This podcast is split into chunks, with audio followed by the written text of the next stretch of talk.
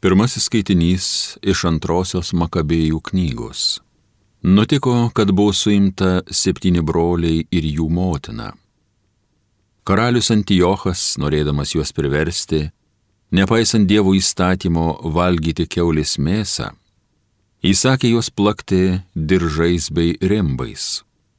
Bet vienas iš jų, prabilęs pirmuoju, pasakė, ko tu iš mūsų nori išklausti ir ką sužinoti Mes pasiryžę verčiau numirti, ne kaip tėvų įstatymus peržengti.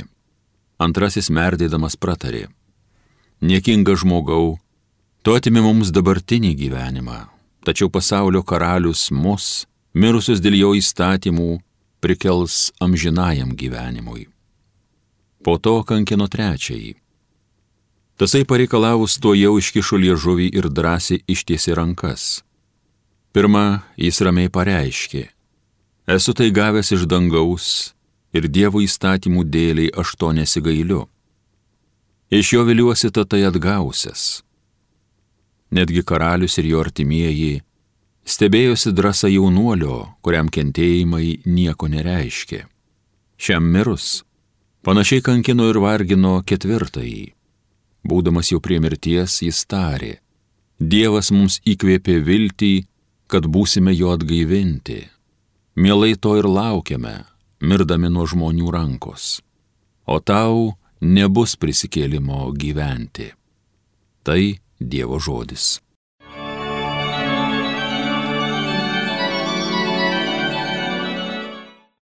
Viešpatie, vos rytą pabusio, tave išvykęs gerėsiuos. Paklausyk viešpatie teisiojo skundo Atsižvelg, kaip tave aš maldauju. Tegu tavo ausys malda išgirsta iš mano neklastingųjų lūpų. Viešpatie, vos rytą pabusiu, tave išvykęs gerėsiuos. Tegu tavo takais mano kojo žingsniuoja, kad nesuklupčiau. Šaukiuosi tavęs, išklausyk mane Dieve. Atkreipk į mane savo ausį, išgirsk mano žodį. Viešpatie, Vos rytą pabusiu, tave išvykęs gerėsiuos. Tu saugok mane kaip akės lėlytę, po savo sparnais stropiais lėpki, o ašai gyvendamas teisiai tavo veidą regėsiu, vos rytą pabusiu, tave išvykęs gerėsiuos. Viešpatie, vos rytą pabusiu, tave išvykęs gerėsiuos.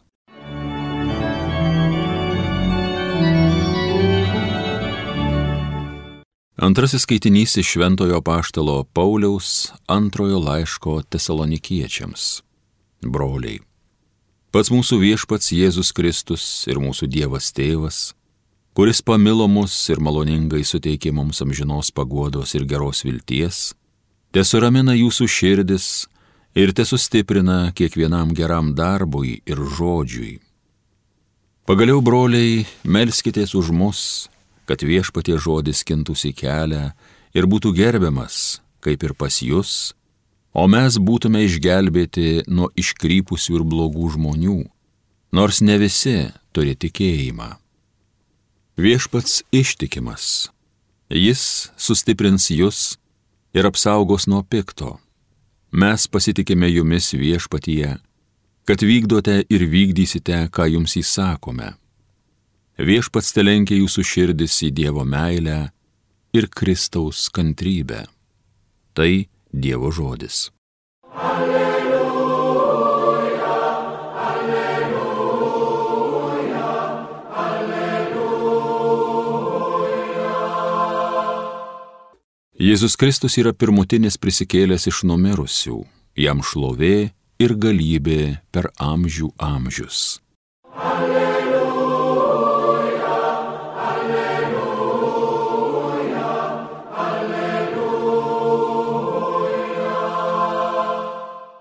Pasiklausykite šventosios Evangelijos pagal Luką.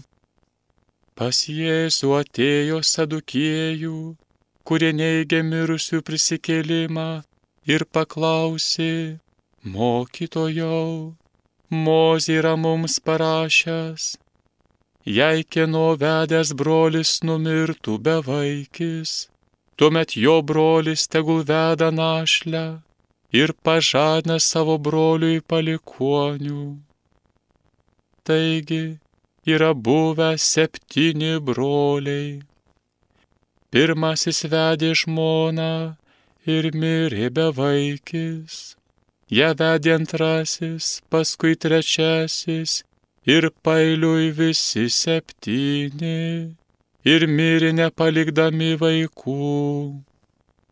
Galiausiai mirė ir ta moteris, kuriogi žmona ji bus, kai mirusieji prisikels. Juk yra buvusi visų septynių žmona. Jėzus jiems atsakė, šio pasaulio vaikai veda ir teka, o kurie pasirodys verti dalyvauti name pasaulyje ir mirusių prisikėlime, tie neves ir netekės. Taip pat ir mirti jie negalės, nes bus to lygus angelams ir bus Dievo vaikai, būdami prisikėlimo vaikai. O kad mirusieji prisikels, mini ir mozė pasakojime apie krūmą kur jis viešpati vadina Bromo dievu, Izaoko dievu ir Jokūbo dievu. Juk dievas nėra mirusių dievas, bet gyvųjų, nes visi jam gyvena. Girdėjote viešpatie žodį.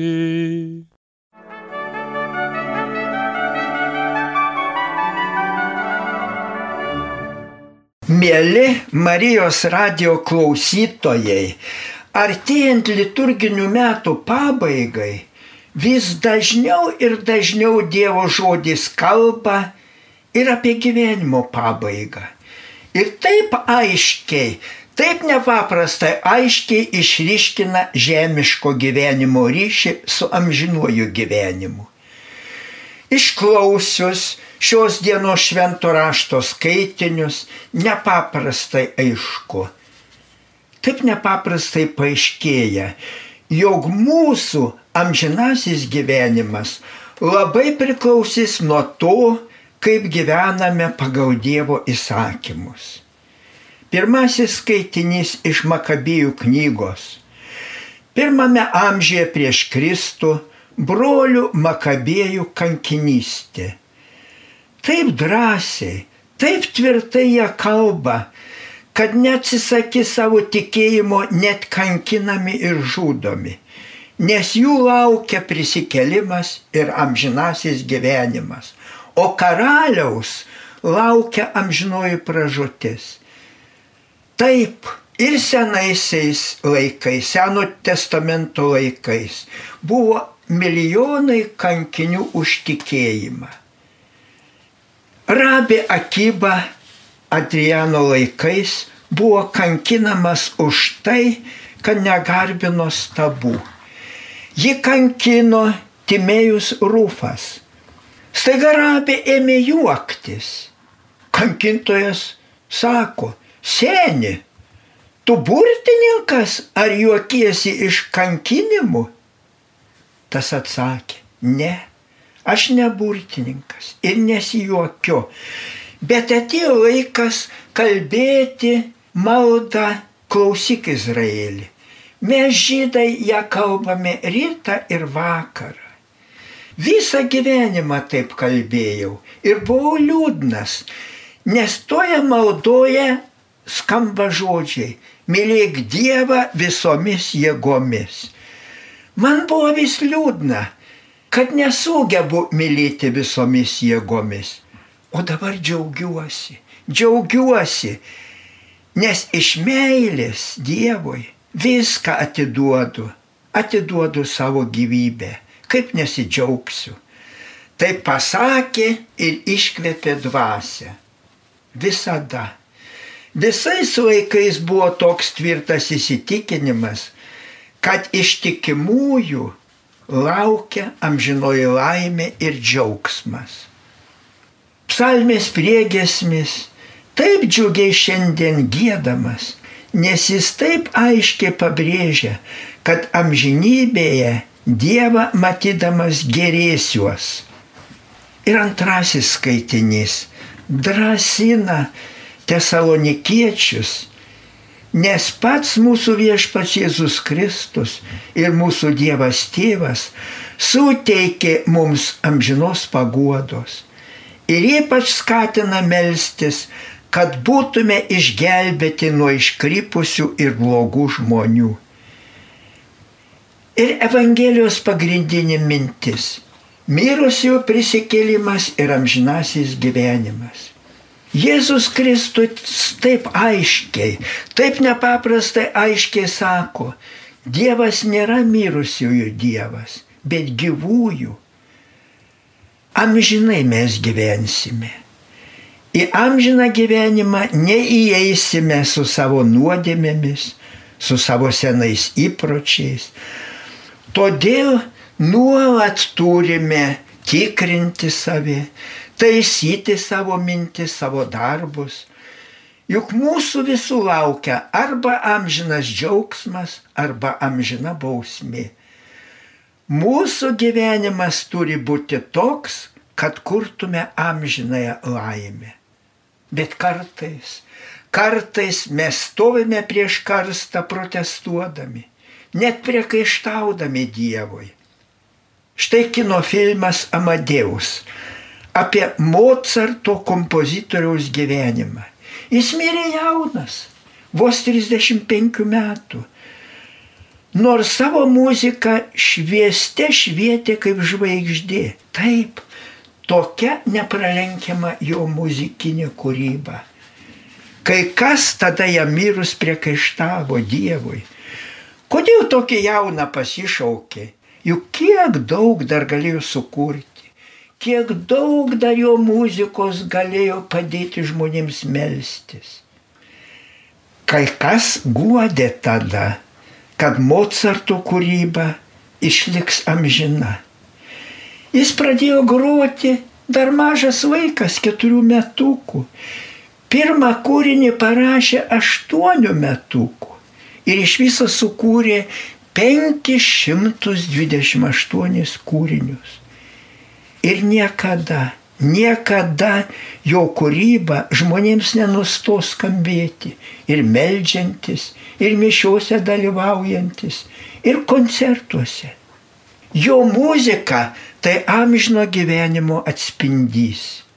Ir taip dažnai yra gyvenime, kur rodos negali būti jokios minties apie amžinąjį gyvenimą, apie prisikelimą, bet prasiveržia tikėjimas ir viskas paaiškėja.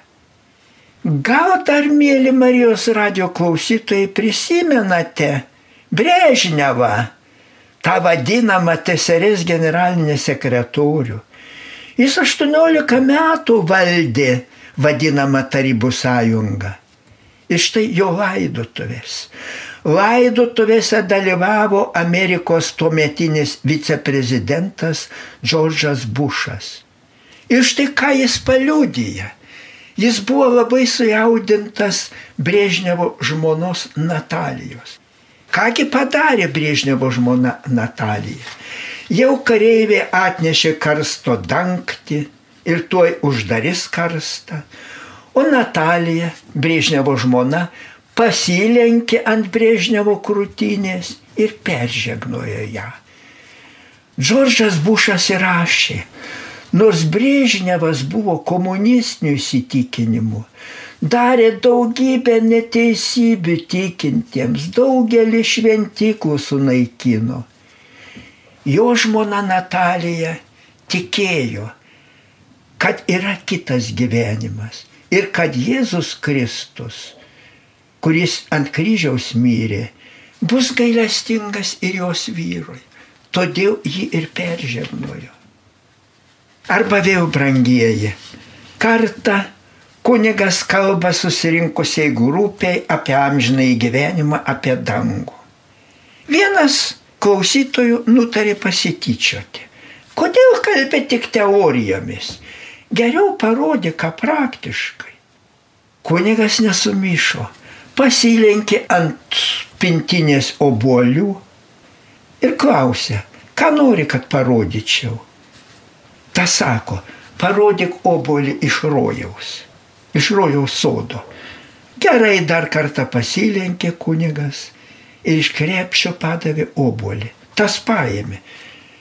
Bet tas obolys jau sugedęs, viena pusė supūvusi.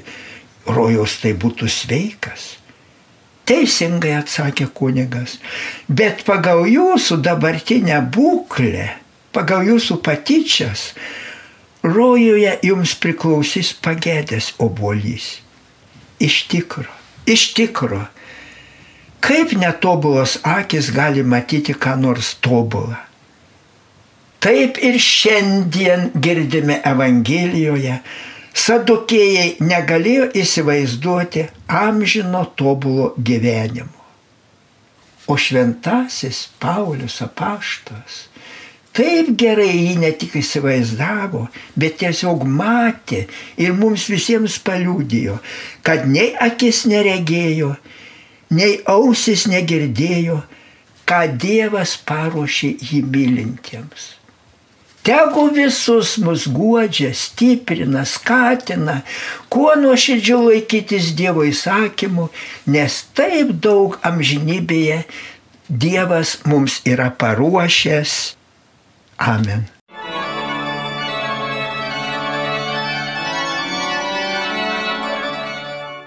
Evangeliją gėdojo kunigas daktaras Vilius Sikorskas. Homilyje sakė, Panevižio vyskupas emeritas Jonas Kauneckas.